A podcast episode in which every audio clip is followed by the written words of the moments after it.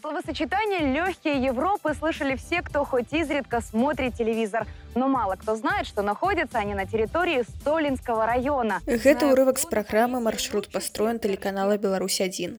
Меня зовут Оксана, мне 22 года, и я родила свою дочь Валерию в 15 лет. А гэта Аксана. Яна нарадзілася ў столінскім раёне ў 1997 годзе, а ў 2013 стала маці. Урывак з інтэрв'ю, які вы толькі што паслухалі, Аксана давала ў 2020 годзе YouTube каналу Тутбай. А гэта падкаст іншай гісторыі, дзе я, журналістка Дар'я Гардзейчык, размаўляю з беларусамі і беларускамі, у якіх ёсць цікавы жыццёвы досвед, і пры гэтым яны ўсе з гэтым сваім цікавым досведам у нейкі момант апынуліся ў эміграцыі.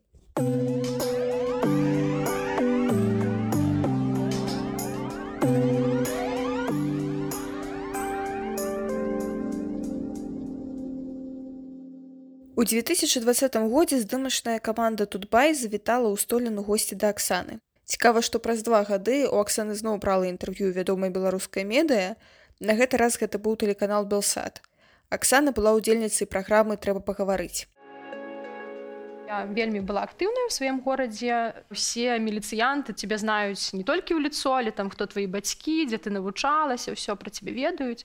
Трэба пагаварыць, Аксана расказвала, як яны з дачкой лерай перажылі вымушаную эміграцыю. Спачатку з Беларусі ва ўкраіну, а потым у Польшчу. Аксана з лерай амаль два гады жывуць у варшаве і менавіта ў гэтым горадзе мы з Аксанай сустрэліся. Як ты себе зараз ідэнтыфікуеш? Я па-першае ну маці жанчына. Была журналістка напэўна былая. Актывістка напэўна былая. Жанчына якая змагаецца з дэпрэсіяй. Імігрантка. Я зараз працую майстрыняй манікюра Таму што гэта адзіная праца ў Польшчы якая прыносіць мне нейкі доход Ва ўсіх інтэрв'ю Аксана кажа, што яна са столена. Больш дакладна будзе сказаць, што Аксана нарадзілася ў працоўным пасёлку рэчыцца ў мікрараёне гарынь. Гэта 6 кіламетраў ад столена і 6 кіламетраў ад беларуска-украінскай мяжы. Дарэчы, маці і бабуля Аксаны украінкі і маленькая Аксана часта разам з бабуляй ездзілі на іх гістарычную радзіму. Аксана увесь час была з бабуляй, бо маці мусіла шмат працаваць, а дзе быў бацька дзяўчынкі ў той перыяд увогуле невядома.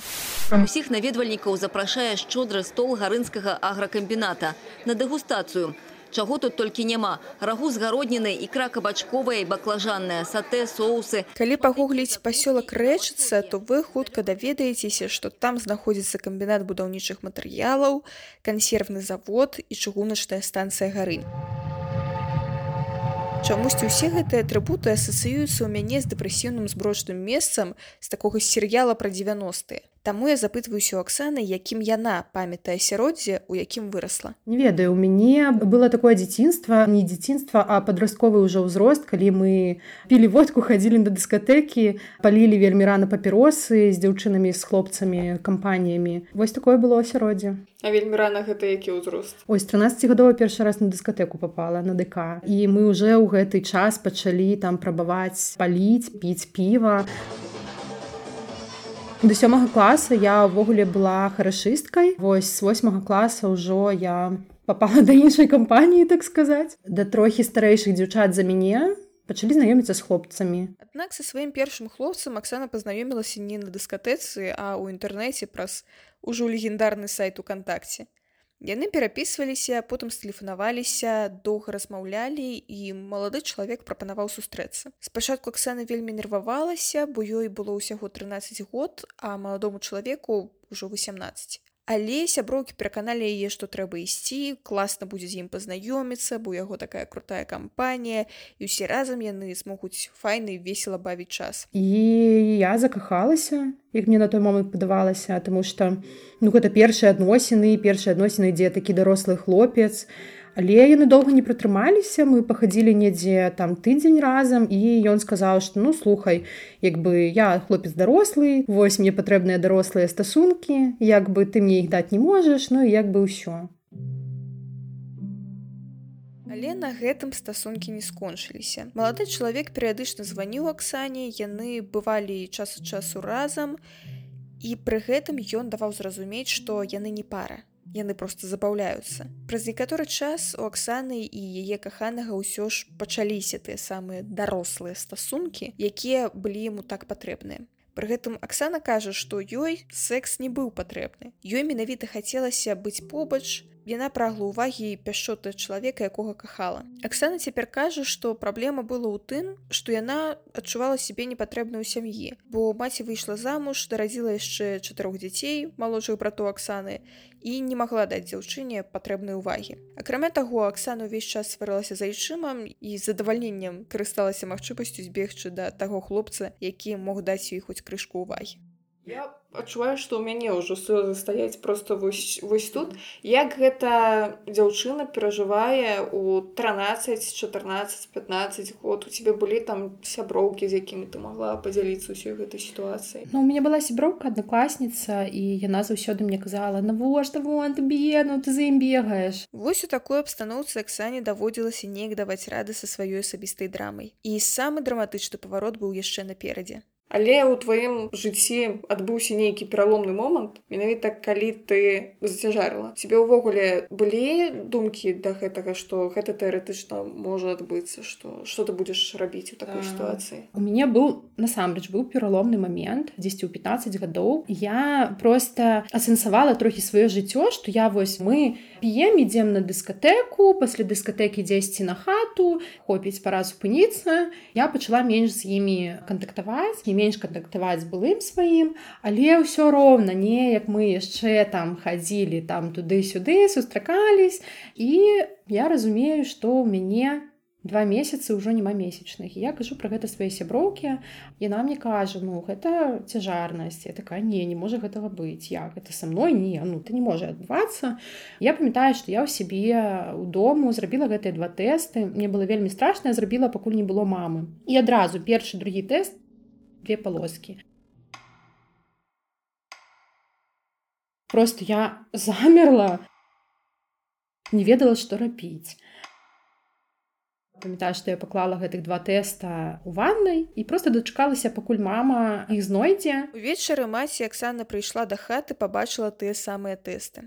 Яна запыталася, ці Аксана цяжарная. Аксана не дала рады нічога сказаць, просто заплакала, а маці сказала, што яны мусіць празмаўляць раніцай і пакінула дачку ў пакоі саму. На наступны дзень Аксана чакала размова з маці і з айчымам. І яны такія тыпу, што ты збіраешься рабіць? Я маўчу, які аборт ты рабіць не будзеш. Я выдохнула. Не простое, што я хацела ці не хацела аборта, просто не разумела, што мяне чакае і мне патрэбна было как хтосьці з дорослых вызначыў мой лёс. Памятаеце Аксана сказала што цяжарнасць можа адбыцца з кім заўгодна толькі не з ёй. Ведаеце калі раптам зацяжарыла моя блізкая сяброўка у мяне чамусьці былі аналагічныя думкі кшталту. Гэта тое што здараецца з іншымі. Гэта не тое што можа здарыцца з кімсьці з майго блізкага кола. І хаця логікі ў такіх думках як вы разумееце няшмат але менавіта яны ў стрэсавым стане чамусьці прыходзіць да нас у галаву Вось да пытання, што з кім заўгодна толькі не са мной тут шмат у каго паўстанне пытанне.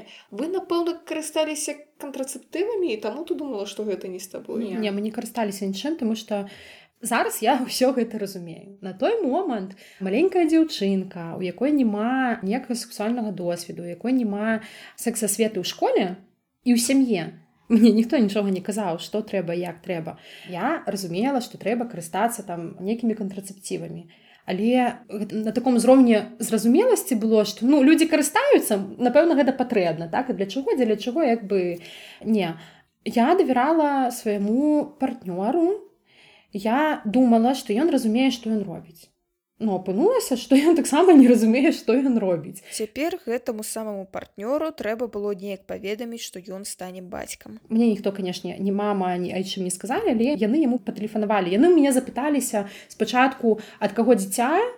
Я сказала, што я не хочу адказваць на гэтае пытанне, і яны такія ну ты мусіш. Калі я прыйшла са школы, яны чакалі на майго блога просто гэта ж маленькі маленькае так. место маці патэлефанавала якосьці там сваей знаёмай якая патэлефанавала яшчэ нейкай знаёмай і так яны выявілі з кем я хадзіла ўсё у таких малых гарадах дзе плёткі разлятаюцца вельмі хутка даволі часта пра дзяўчыну якая апынулася ў такой сітуацыі як Аксана пачынаюць разлятацца самыя неверагодныя чуткі. Часта пра тое, што партнёраў у яе было некалькі дзясяткаў, дзіцёнка яна ў двукосе нагуляла. Перш чым працягнуць гэтую гісторыю, я мушу сказаць трыгер ворнінг згвалтавання. у цябе на той момант только адзін гэты хлопец быў было згвалтаванне ў 13 гадоў Боже. гэта быў не першы Боже мой. Спачатку было згвалтаванне а потым ужо з гэтым хлопцам ад якога мяне дзіцё у мяне быў дабравольны як калі можна так назваць дабравольны секс. Хаця напэўна мне не хацелася а просто вось эмацыйна мяне да гэтага падвялі калі б я курыла я б зараз выйшла пакурыць. Наколькі складана было хлопцу распавесці пра ўсё гэта? Я так разумею ўжо бацькі распавялі але вас жа ўсё адно чакала нейкая размова. Слухай бацькі распавялі але мне хацелася каб ён прыхадзіў дадому і размаўляў з маёй маці і айчымам і я ўвогуле не хацела каб яго гэта краналася ведаеш што я адчувала? Я адчувала што гэта я вінная і я яго не павінна ўмешваць у тое што я б яго зацяжарніла бацькам ён сказаў што ну будзем нараджаць все а далей яны празмаўлялі і я пайшла яго праважаць а ён такі здае мне пытанне а гэта точно маё дзіцё і тут я выпала Аксана і бацька яе дзіцяці распісаліся, бо бацькі настойвалі, што яны мусяць ажаніцца. Яны не рабілі ніякага свята і пасля фармальнага роспісу Аксана проста пайшла да сябе да хат, а муж да сябе. А потым будучы бацька раптам трапіў турму. Справа ў тым, што якраз у той перыяд, калі Аксана зацяжарыла, малады чалавек нешта нарабіў са сваёй кампаніяй.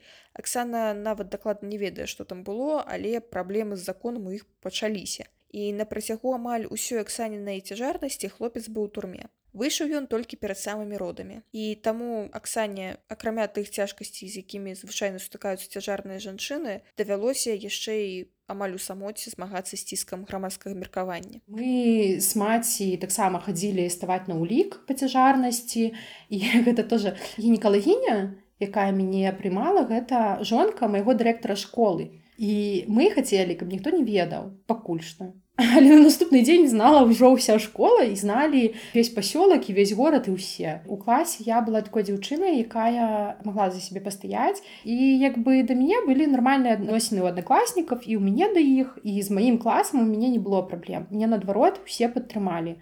Я не выходзіла на перапынкі са свайго класу. Зазвычай я там старалася больш быць у класе, не хадзіць па школе, бо я баялася, што там хтосьці штосьці будзе казаць вось у сталовай я памятаю, што мне был вельмі жорсткі таксікоз я не могла нічога есці, акрамя салёных гуркоў і мае аднакласніцы такія там усім класам прыносілі мне свае салёныя гуркі. Гэта было вельмі міла настаўнікі я толькі памятаю што была адна сітуацыя дзе моя класная мяне не было а былі дзяўчынкі мои аднакласніцы яна перад імі нешта пра мяне сказала.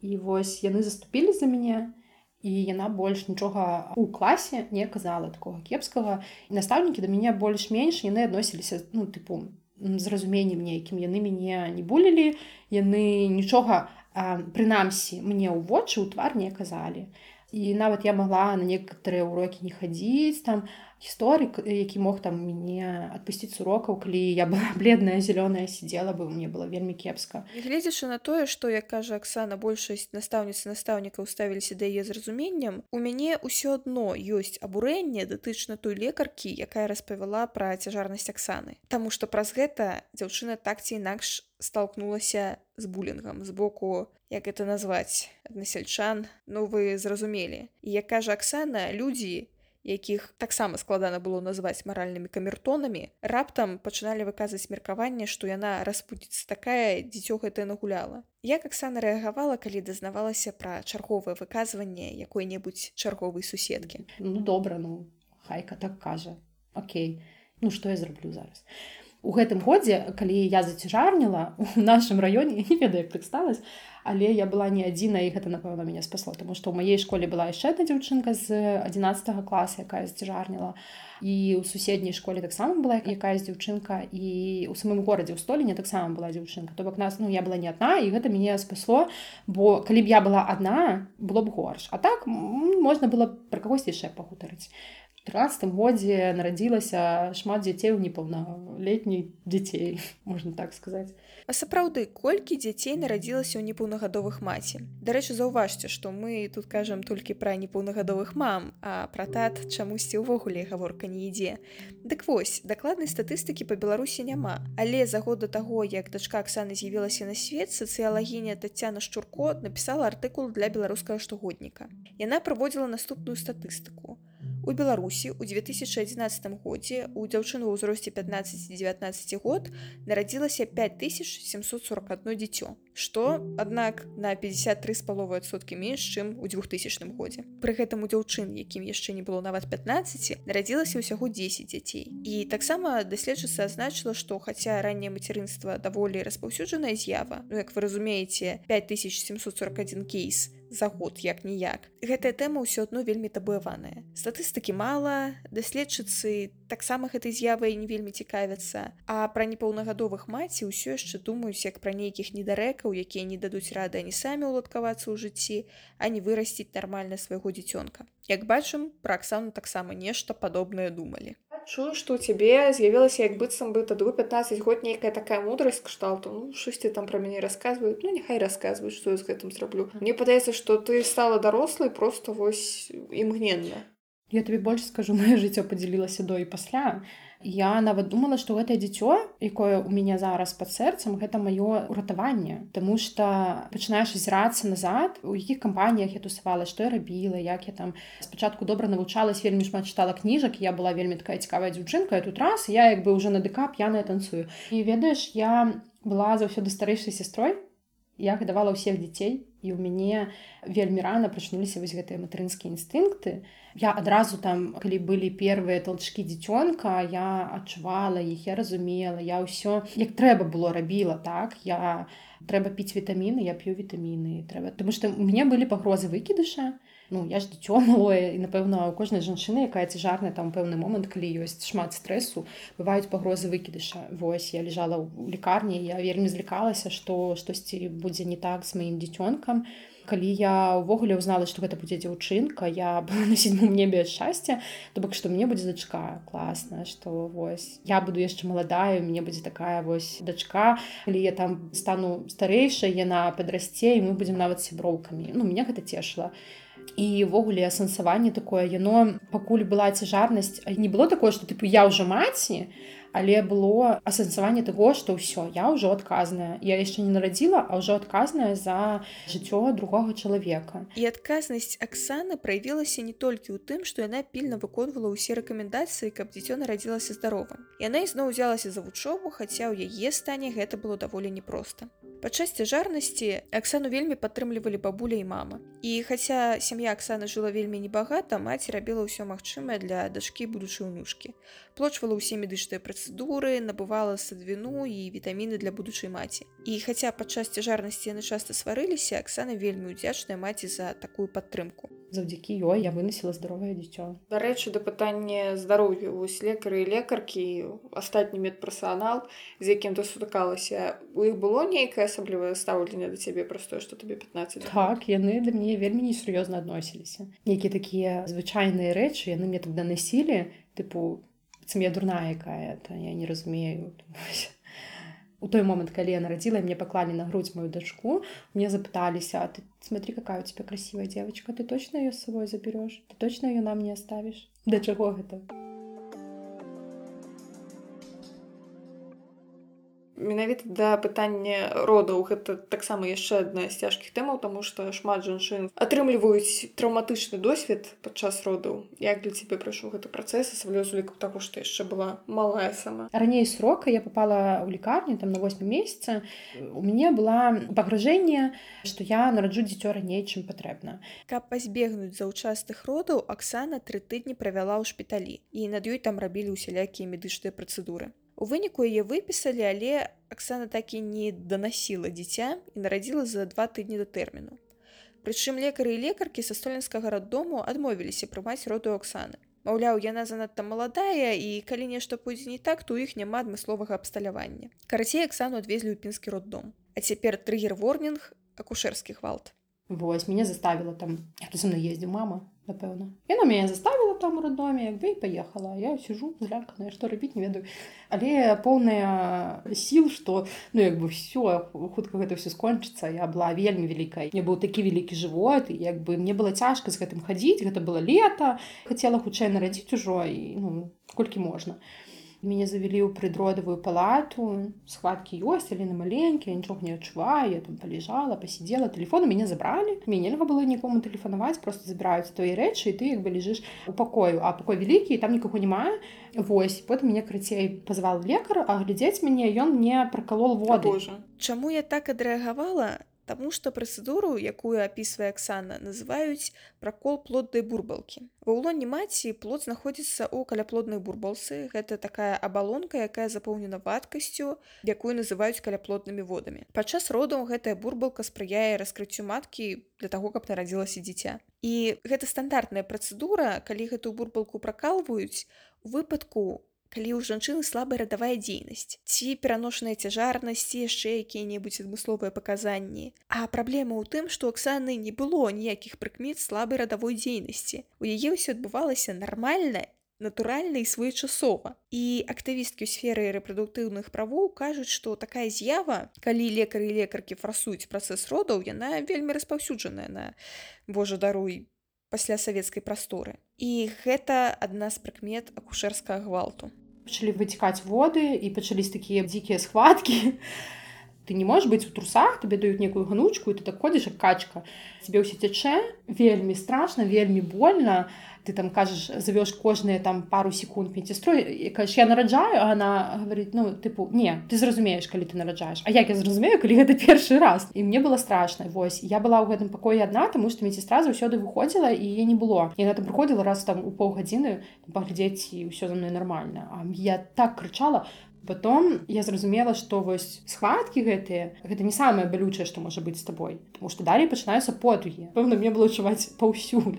Мне так было балюча. Што яшчэ Аксана успамінае крабя дзікага болю? Даўжэзны шпітальны калідор. Коридор ад прыдродавого пакою да радавой вельмі далёкі. То бок тебе ведуць ужо на крэсла нараджаць калі дзіцё там показвае ўжо галовку і мне так стало страшно тыпу і нам мне кажа ну все зараз можем ісці а я адчуваю что нешта ўжо падпірае і на такая гэта галовка малыша трэба ісці павольна нідзе не зачапіць як бы это і ты ідзеш по такому длинному коридору і мне так страшно что зараз я нараджу на потым или яшчэ штосьці ну тому что ніхто нічога тебе не паясняе. Тыпу ідзі і ўсё і ты ідзеш а залазь на крэсла але так вось так так каб не зачапіць дзіцё я такая як гэта зрабіць тому что я уже переживаю что я там задушу нагамі штосьці там не так зраблю памятаю что я легла на крэсла неяк мне там усадзілі калі мне было шмат людзей я три раза патужылася і я нарадзіла дзіцё калі я нарадзіла пачула як заплакала моя дачка калі мне палажылі на грудзі я так разрыдалась і гэта было такое віда шчасця адразу забылася ўся боль якая была адразу забылася вось все все все дрэннае. І толькі ты вось у міг ты жывеш вось гэтым мігам калі тебе паклалі дзіцёнка а яна такая ўся сіняя все такая страшная. Яна лежыць тебе на грудзі гэта твоё дзіцё твоя дачка. Ну і вось тады мне сказалі ты вось каця красивая дзяўчынка ты я там ну заберешь а я такая конечно говорю это же моя дочка ну что типа Аксана лічыць, што адносна лёгка перанесла працэс родаў, хаця прызнаецца, што паўтараць яго ніколі б не захацела. Аднак кажа, што ў яе сітуацыі ёй бракавала ведаў і падтрымкі з боку медперсанала. Хаця яна была непаўнагадовая, напрыклад, ні пра якую псіхалагіню ці ўвогуле кагосьці, хто падтрымлівала паксану, гаворка не ішла што на думку Аксаны можна было б зрабіць на дзяржаўным узроўні каб дзяўчынам якія апынуліся ў аналагічнай сітуацыі было прасцей і не толькі в беларусі ва ўсіх краінах ёсць такое што дзяўчына цяжарнее до 18 гадоў яна нараджае і мусіць быць нейкая праграма для такіх дзяўчынак якіх будуць напрыклад як я праходзіла курсы маладой мамы мне сказали а ты придзі просто там у гэты кабінет паставіш подпісю картачкі што ты іх прайшла і ўсё І так у радзільні Аксана прабыла тыдзень. Пелянаць дачку яе навучыла нянечка, а мыць і пераапранаць дзяцей Аксана ўжо ўмела. Буду глядала малых братоў. Пасля роду Аксана ўвогуле даволі хутка ачуняла, пачала хадзіць, а праз тыдзень ужо дала рады выпраміць спіну. Так, для несвядомых людзей гэта можа быць шокам, але пасля роду ў жанчыне часта трэба вельмі шмат часу і спецыялізаваная дапамога, каб аднавіцца. Якія ўнутраныя змены з табой адбыліся пасля таго, як ты стала маці? Спачатку мяне вельмі хвалявала тое, што маё цела памянялось. Калі я нарадзіла, я вельмі хутка скінула вагу, вельмі хутка мне сышоў жывот але у меня была вельмі вялікая грудь бо было шмат малака я карміла грузію недоўга два месяца потым мне трэба было ісці ў школу і я мусіла кідаць прырываць кармленне грудзю хаця я не хацела мне тады яшчэ ніхто не не то што не распавядаў ведаеш не было такога каб мы думалі што вось малако можна замарозіць дагаварыцца каб у школе выдзелілі тебе нейкі пакой дзе ты можаш сцежвацца такога не было. Вось таму я мусіла прырываць гэта было вельмі балюча перавязвалі мне грудь і давалі лекі і ну гэта было цяжка я вельмі схуднула пасля родаў я стала нават худзее чым была до родаў і ў мяне засталася вялікая грудь. Калі я была на фізкультуре я прыгала на скакалкі все на мяне глядзелі тому что я падпрыгвала і грудзі мои падпрыгвалі ну мне было неёмка калі ў мяне прапала малако грудь упала. І гэта быў мой такі вельмі вельмі комплекс ну як так. У моей мамы пасля пяцярых дзяцей грудь як бы абвісла у мяне тут пасля аднаго дзіцёнка як бы, ну это было цяжка Аксана лічыць што ў яе была пасляродавая дэпрэсія яна з аднаго боку была вельмі шчасліва бо ў яе нарадзілася лерачка з іншага боку абсалютна не магла прыняць сваё цела у яе пачаліся праблемы з харчаваннем яна схудзела да таго што моцна пачалі выдавацца робры Акрамя таго ёй падавалася, што яна самотная ў гэтым свеце і яе ніхто ніколі не зразумее. Як ўсё ж такі ты дала рады з гэтым псіхічным станам просто ён прайшоў праз нейкі час. Ну просто займалася дзіцём школай, Ну, просто жила вось у гэтым стане. Мне здаецца, што я у стане стрэсу я жыла амаль усё сваё жыццё і дагэтуль жыву. На той момант я гэтага не разумела. Зараз я гэта разумею, я з гэтым неяк змагаюсь, тады я не змагалась. Тады было так, што ведаеш, як я пачала са сваім мужам жыць. Мяне муж забіраў з роддома. На той момант ён ужо быў муж, таму што мы распісались па дарогі, як бы ён казаў, што тыпу ты куды едзеш да мяне или дадому я такая дадому куды да цябе ён мне пісаў мог там пісаць раз нейкі час там як там малая мог прыйти там паглядзець на яе пайсці выдатны бацька просто. А, а потым прыехала свекроў хочу внучку сваю пабачыць там то сё Ну, я выйшла, она мне посадила в машину, мы поехали до их додому, и она такая, ну все, ты заставайтесь тут. У тебя мусить быть семья. Вы расписанные, у вас дитё, все. А я разумею, что ни он не хочет, ни я этого не хочу, и нас просто кинули там у один покой, и все, и заставайтесь. И свекровь так само жила с нами у квартиры за свекром двухпакаёўка з былым сваім мужам цапаемся цапаемся ён там уходзіць он не бывае начамі он прыходзіць п'яны кажа гэта не маё дзіцё не хоча дае ночы вставаць ну вось такія рэчы происходзяць У нейкі момант свякроў і свёку Аксаны заявілі, што яны перашкаджаюць маладой сям'і і з'ехалі. А тым часам муж Аксана уладкаваўся на працу ў Маскву і Аксана фактычна засталася з дзіцём сам насам у двух пакаёўцы. Пры гэтым з трэцяга месяца жыцця леры Аксана пайшла ў школу. І пакуль яна была на уроках з лерай сядзелі бабулі, а потым Аксана прыходзіла і зноў заставалася адзін на адзін з малой дачкой і сваёй дэпрэсіяй. І ў гэты перыяд у Аксаны абсалютна не было ані часу, ані сіл рыхтаваць урокі гатаваць ежу да таго ж па начах яна амаль не спала бо лера як і усе малыя дзеці часта прачыналася не было опцыі каб ты там пайшла не ведаю на індывідуальнае навучанне штосьці такое цяжарніла ў девятым класе радзіла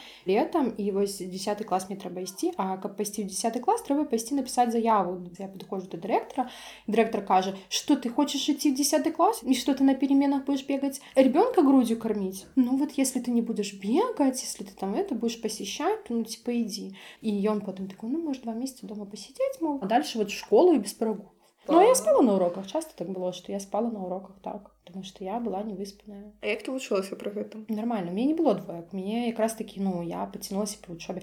Типу, я не робила домашние задания. Калі штось там писать, я приходила в школе на пераменки, які заўсёды дзеці робяць, писала. На уроках просто слухала і все. Ну, як бы, і мне, я выправила свой аттестат. Ну, там, средний балл 7,8, 10, вось такі І гэта не тое што мне там завышалі просто. Ну я вучылася неспадзявана галоўнай падтрымка ў гэты перыяд для Аксаны сталі яе аднакласнікі аднакласніцы калі яна ўпершыню пасля роду прыйшла ў школу яе сустрэлі з падарункамі для яе маладой маці і для навароджанай я могла гуляць з каляскай сваімі аднакласнікамі по вуліцы гэта было нормально. Я не хапала падтрымкі дзесьці ў пэўны момант тому что я разумела что як бы адчуваю себе старэйшай за іх разумнейшай за іх нейкім чынам что не такія дзеці дзеці я уже такая дарослая такая цёця сваімі адказнасцямі со сваімі ўжо нейкімі новымі прынцыпамі жыцця а яны вось такія яшчэ малыя засталіся. Але я думала что ўсім будзе ну сорамна як бы со мной хадзіць там гуляць. Не бралі каляску вадзілі дзіцё маё за руку вадзілі. Я як бы таксама стала адчуваць себе что ну гэта ўвогуле нармалёва як бы. Пасля школы Аксана поступила паступіла ў каледж на завочнае навучанне а яшчэ развялася з мужам. З адукацыяй у Аксаны не атрымалася. У выніку Аксана адвучылася толькі адзін год бо яна з самага пачатку працавала і атрымлівалася што навучанне каштуе ёй занадта дорага Як яна цяпер кажа, шкадуе, што не дала рады атрымаць нармальную адукацыю і ўсё яшчэ не мае магчымасці зрабіць гэта, бо мусіць працаваць і утрымліваць сябе і лерку. Дык вось першая праца, якую знайшла Аксана, была на тым самым кансервным заводзе, які я ўзгадала на пачатку. Шматлікія закускі і нават сокі.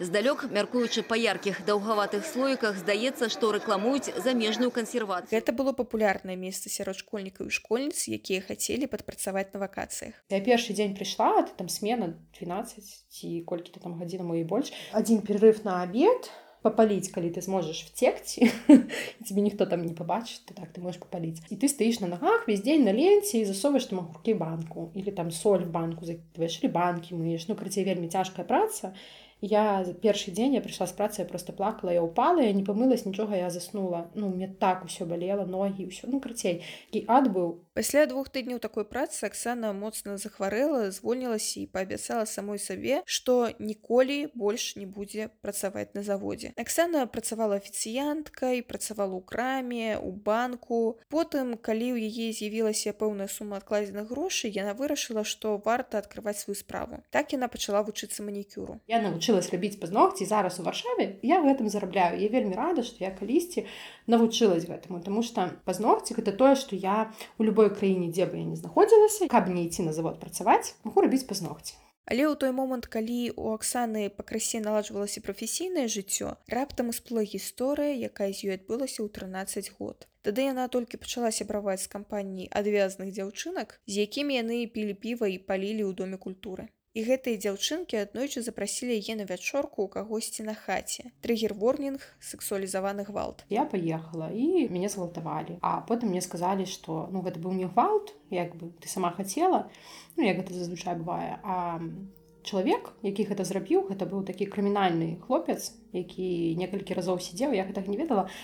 І ведаеш, ну я яго баялася, его в прынцыпе все баяліся памятаю што пасля гэтага я распавяла сваёй адной сяброўкі пра тое што мне згвалтавалі так, так как страшно гэта ўсё а на наступны дзень зналі ўжо ўсе і казалі што я прастытутка я далась 13 гадоў Вось і пасля гэтага я зразумела што нікому нічога распавядаць нельга. І да напэўна гэта я сама і вось ну ведаеш мне псіхалагічна зламалі.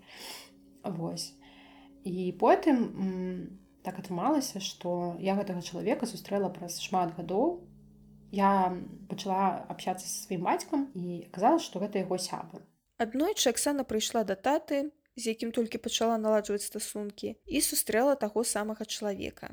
Ён таксама яе памятаў. Раптам гэты аўтар гвалту пачаў намагацца ўступіць з аксанай у рамантычныя стасункі. І у чарговы раз калі Аксана наведвала бацьку адбылося вось што. Бацька заснуў п'яны а ну, карацей меня зноў згвалтавалі А потом человек просто принудил, что, мол, все, ты теперь будешь э, со мной сустракаць ты будешь со мной жыць і неяк так я як же настолькі была зламаная псіхалагічна і тут я вось толькі развілась з мужам і з мамай я паспарылася і яна не хацела каб я з ёй желание что у нас была такая сварка вялікая так все адно к аднаму сышлося я яго спужалася і бацька мой наседаў он просто падышоў сказаў бацькі вось мы пераспалі хочу жыць Аксана і бацьку да да да першым Аксана працягне расказваць я мушу сказаць что триггер-ворнинг хатні гвалт вельмі жорсткі хатні гвалт ён забірае мяне забірае маё дзіцё і тыдзень мяне не адпускае са свае кватэры просто не адпускае не могу уйсці калі я побачыла колькі гвалту да мяне происходит я сваю дачку отправила до мамы і она перыядычна жыла там. Ну, калі было все нормально она жила со мной калі было ненармальна она жила з мамай і гэта был вельмі такі цяжкі момант. Я пражыла так 8 месяцаў змагла ад гэтага ўсяго уйсці а ну, было вельмі цяжка. Я думала што мне ўб'юць. Некалькі разоў мяне збівалі да такой степені што прыязджала хуткая дапамога каб мяне ўратаваць Пасля сыходу гэты аўтар аб'юзу працягваў пераследаваць Аксану, а Аксаны тым часам пачаліся панічныя атакі і жудасныя мігрэні. Яна паехала ў пінск да лекаркі і лекарка патлумачыла, што гэта ПТСР і параіла змяніць абстаноўку. Тады Аксана на 8 месяцаў пераехала ў суседні пінск, крышку працавала там і прыводзіла сябе ў норму. А потым прыехала дадому назад і ўжо засталася ў століне цярпець не магла гэты горад неяк я настолькі не прыймала яго што я заўсёды хацела з'ехаць і з другой стороны я хацела заўсёды яго змяніць. Так мы і прыйшлі к таму што я пачала займацца актывізмам палітычным сацыяльным. У 2018 годзе Аксана пачала дапамагаць бясхатнім жывёлам. Пачалося ўсё з таго што яна знайшла на вуліцы пабітага ката і днесла да ветэрынара але ж яна разумела што адна дапамагчы ўсім катамі сабакам столена не дасць рады. А падчас свайго жыцця ў пінску Аксана ўжо пазнаёмілася з актывістамі актывісткамі якія рабілі свае сацыяльныя справы. Дарэчы тады платформы для аб'яднання людзей якім баліць адна і тая ж тэма былі групы ўкантакце неяк такое сознание да мне прыйшло что ну кто калі не я будзе гэтым займацца. Я создала групу поддержки бездомным животным города століна я пачала посціць нейкія там вось душраздзірающие пасты. Праз дапамогу коцікамі сабачкам Аксана абрасла цэлай сеткай сувязяў. Валанцёры валанцёрак якія таксама дапамагалі жывёлам і яшчэ яна знайшла файнага ветэрынара. Хаця ў стольні пра Аксану хадзілі чуткі маўляў яна нейкая хворая навошта яна гэтым займаецца што і да тых катоў. У Аксана ў хаце перажыла шмат коцікаў і сабачак. І хаця зараз Аксана вядома не займаецца гэтую справаю справа працягвае жыць простую сетку кантактаў якую Аксана стварыла стварыла. А ў палітычны актывізм Аксана патрапіла ў 19 годзе і таксама праз дапамогу жывёлам. У кантакце яе суполку знайшоў хлопец з мінску і яго вельмі ўразіла тое, што Аксана робіць. Яны пазнаёміліся, а хлопец той аказаўся анархістам і актывістам.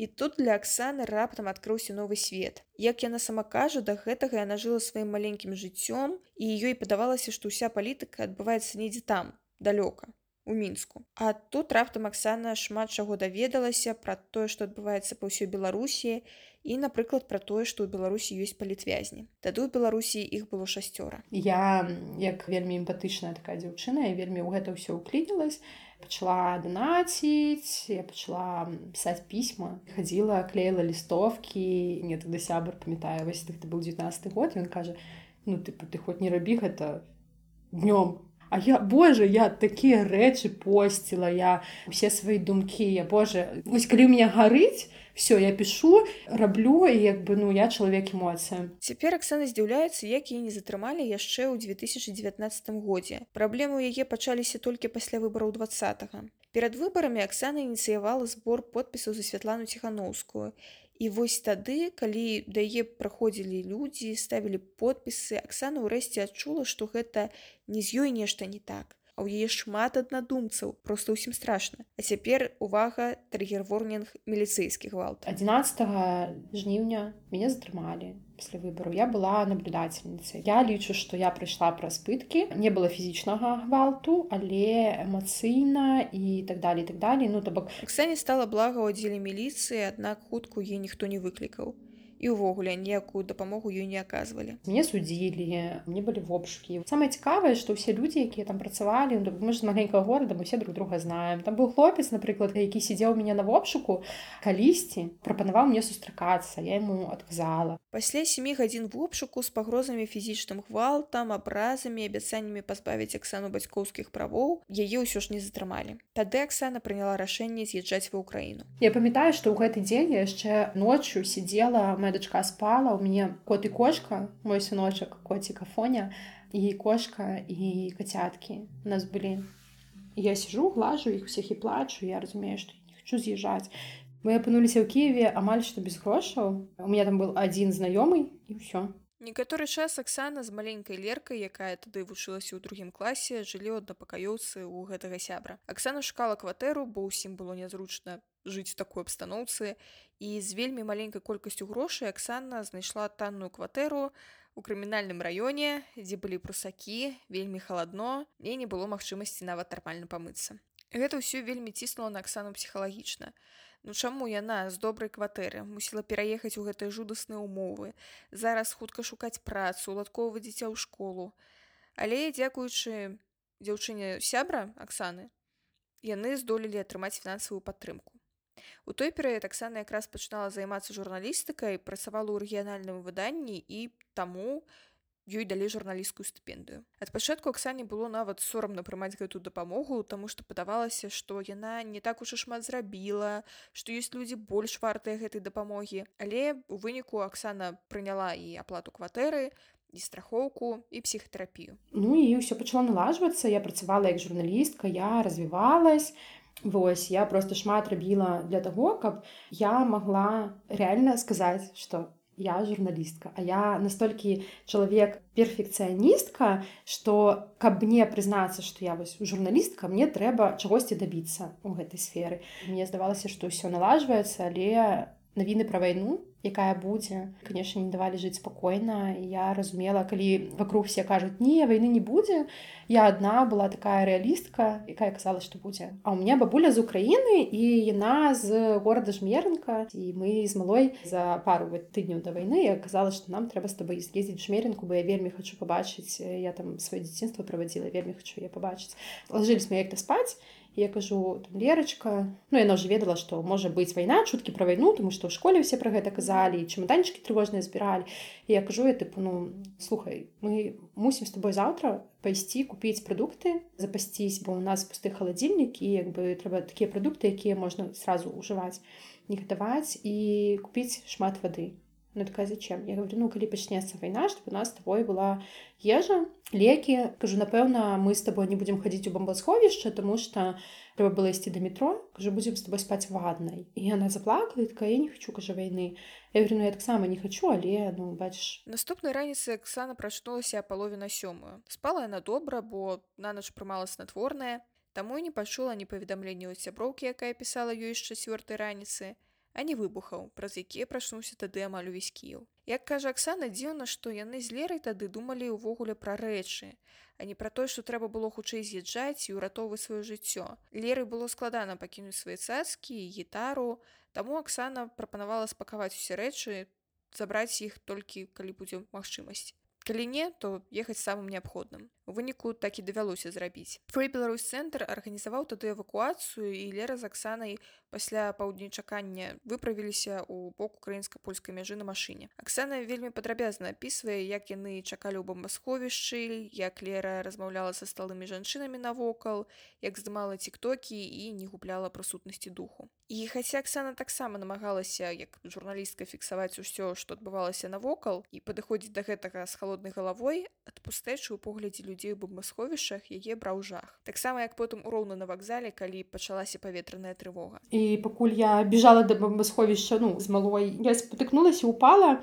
і ў маёй сумке был скляной шарик які лерка з сабой взяла і на дзень святого валенціна падравала яна вось взяла як памяць. І ён разбіўся аб маю ногу ну я калена разбіла я упала на гэтае шкло і в сумке была шапка дачкі і кофта цёплыя Ну і канешне яно было ўсё ў шкле мы гэта выкінулі малая засталася без шапкі і без цёплай кофты просто ў асенняй курткі але на той час гэта было ок. У леры ў гэты час жанчына скрала телефон то бок лера моя атрымала телефон руках а тая кажа давай тебе пакладу ў портфель і ей не паклала ну, малая ж нас плача як бы страшна яна не да телефона ўвогуле Вось потом прыйшлі ваенныя і пачалі забіраць усіх людзей весці ў бомбасховішча а мы не пайшлі тому что нас ужо чакала машына і мы мусілі ее знайсці Вось мы знайшлі эту машину садзімся як бы едзем Э, воздушная тревога. Мы амаль што дні на трасе страшно то что можа прилететь опять-таки ў любой момант і малая пачынае шукаць телефон пачынае плакаць скажу телефона няма крала та цётка я такая ну что там ну пачынаю ее падтрымліваць як она начинает плакаць і такая ну мама ну почему все это происходит именно с нами почему все это происходит именно с нами и она начинает просто я, я больше никогда не буду доверять людям она просто так зарыдала і вось фразу чаму гэта бываецца менавіта з намі яна прогучала раз 10 Аксана з лерай прыехалі на мяжу і пабачылі вялізную чаргу з машын. Кіроўца не мог заставацца з імі, бо яму б давялося стаяць у гэтай чарзе некалькі сотняў. Таму Аксана і лера пайшлі да пункта пропуска пешу побач з гэтай чаргой. Прайсці трэба было 20 кіламетраў. Разумею, што вельмі моцны вецер, дачка без шапкі, я пачынаю здымаць майкі. Мне было две майкі з пагоні, я просто матала на галаву вместо шапкі усе гэтыя 20 кіламетраў разам з маці маленькая лера цягнула торбы і ад пераўтому яе нават пайшла кроў з носу. Праз увесь дзень дзяўчыны ішлі не маючы магчымасці нават памыцца і паесці Урэшце яны дабраліся да пункта пропуска, дзе таксама была вялізная чарга з матуляў і дзяцей. І мы карацей паўначы стаялі просто я думала што мы тут застанемся ўсё на ўсё жыццё тому что ну, дзіцё замерзает дзіцё хочет спаць піць есть. Она просто настолькі змерзла то я зняла там кофту і надзела яе паверх курткі я сама засталася піжамным ліфчыкі таком і таксама ў асенняй курцы у нас там пер першы раз не прапускаюць тому что вось мы уже на чарге каб прайсці мяжу праз нас прабіваюцца людзі по нас бегуць з гэтымі чемаданамі і то бок нас уже не пускаюць тому что пускаюць по 20 чалавек. І такой першы раз другі раз третий раз я потом не вытрымала калі зноў так адбылося. Перед нами зачыняецца ты шлабаум я пачынаю кричаць расцёгваю куртку просто вось так показываю что в чем я стою в лифчик. Ну мы кажа ехали з Киева. Каб здесь сдохнуть от холода? Вы хотите чтобы мы тут засталіся ну, назаўсёды і такой глядзець я кажу паглядзеце у меня дзіця ў кофце стаіць он на нас глядзіць і такой краці ідзіце як толькі мы прыйшлі гэты шлагбаум і апынуліся з людзьмі которые таксама так ужо ёсць которые ўратавались яны пачалі прапановваць там хтосьці пледзік хтосьці там может шапку может яшчэ штосьці вось мы прыйшлі мяжу мы апынуліся в Польшчы мы паехалі да Сашкі. Пакуль Лера з Аксанай ішлі да мяжы, тэлефоны іх найвідавочна разрадзіліся. Зарадзіць не было дзе, а ў Аксаны быў запісаны на паперцы адрас Сашы. Дзяўчына, з якой яны былі знаёмыя толькі праз нстаграм і якая жыла ў варшаве. І ўсё. У выніку іх падвезлі да варшавы, Лера з Аксанай апынуліся ў Сашы і некаторы час жылі ў яе. А потым Аксана знайшла кватэру. А каб яе аплошваць, зразумела, патрэбныя былі грошы. Першы час Аксана падпрацоўвала ў беларускіх медыя НК, але гэта былі толькі падпрацоўкі. Краткатэрміновыя і якія не прыносілі вялікіх грошай. Каб гадаваць лерку, зразумела, патрэбны быў нейкі стабільны прыбытак. Тады Аксана пачала працаваць у салоне прыгажосці майстрыцы па манікюры. Дагэтуль Аксана займаецца манікюрам, толькі цяпер ужо працуе на сябе. Рашэнне пайсці з журналістыкі далося Аксане няпроста. Яна вельмі полюбіла гэтую справу, ёй падабалася развівацца ў гэтым напрамку, рабіць свае праекты, але цяпер у яе няма часу ні на што акрамя працы дачкі. Урэшце Аксана прыняла тое, што журналістыка яна пакуль займацца не можа. А зараз я разумею, што ну, самае галоўнае гэта я моя дачка, каб нам было што есці, каб нам было дзе жыць і каб ну лічыцца, тому што ну усе хварэюць. Зараз я ратую сябе і сваю дачку.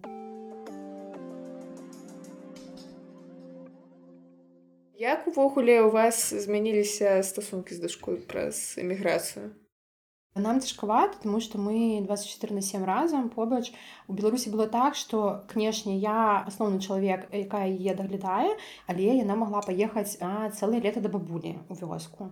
Яна магла на выходныя паехаць да свайго бацькі или да маей маці мы адпачывалі друг ад друга. А тут як бы ну яна нікуды не можа паехаць без мяне я нікуды не могу без е паехаць і мы 24 на 7 добра што ў нас ёсць кватэра у якой два пакоі. Але няма нейкіх межаў яны сцёрлись і няма асабістага пространства ўжо яшчэ ёсць цяжкасці такія што я заўсёды працую а яна адчувае сабе непатрэбнай тому что мамы заўсёды дома няма ей вельмі хутка давялося быць такой самастойнай дзяўчынкай якая ходзіць сама школа прыходзіць за школы ідзе там на радлёнку гэтую ежу. Ей праўда вельмі цяжка даецца тому что ей хочется каб яшчэ мама была побач. Усё ж Аксана лічыць што для леры другая міграцыя даецца больш цяжка чым для яе самой. Ва ўкраіне лера хутка адаптавалася да школы і знайшла сябровак а ў польскай школе ўсё іначай гэтая школа не інтэграцыйная і з леры патрабуюць тое што патрабуюць ад яе аднакласнікаў аднакласніц з польшчы і знайсці новых сябровак лера таксама пакуль не дае рады. Ёсць такое што вось як ты сказала праз невялікую розніцу ва ўзросце што вы зараз як бы больш сяброўкі чым маці з дачкой ці не Але ведаеш, я так думала, што так будзе і нейкі час такі было, пакуль ёй не стукнула там 9-10 гадоў, Таму што гэта такі ўзрост, калі пачынаецца пабертат. Я думала, што у нас будуць вельмі такія даверыцельныя адносіны. Я да гэтага ішла, што быць такой сяброўкай, але ўсё адно. Ёсць ад радзіцелей нейкія тайны, есть рэчы, якія дзеці не хочуць распавядаць. Заўсёды ёсць перыяды калі радзіцелі раздражняюць гармоны скачуць і яна як агалёны правадочак зараз яна плача праз тры хвіліны яна крычыць праз 5 яна смяецца і мне гэта ўсё трэба таксама з ёй перажываць. Ты себе помніш у гэтым узросце? Так, так я себе помню было ну, мне з лерай лягчэй напэўна чым было з маёй маці са мной. Все потому что я з лерай больш размаўляю і у мяне больш такія ведаеш цёплыя адносіны з ёй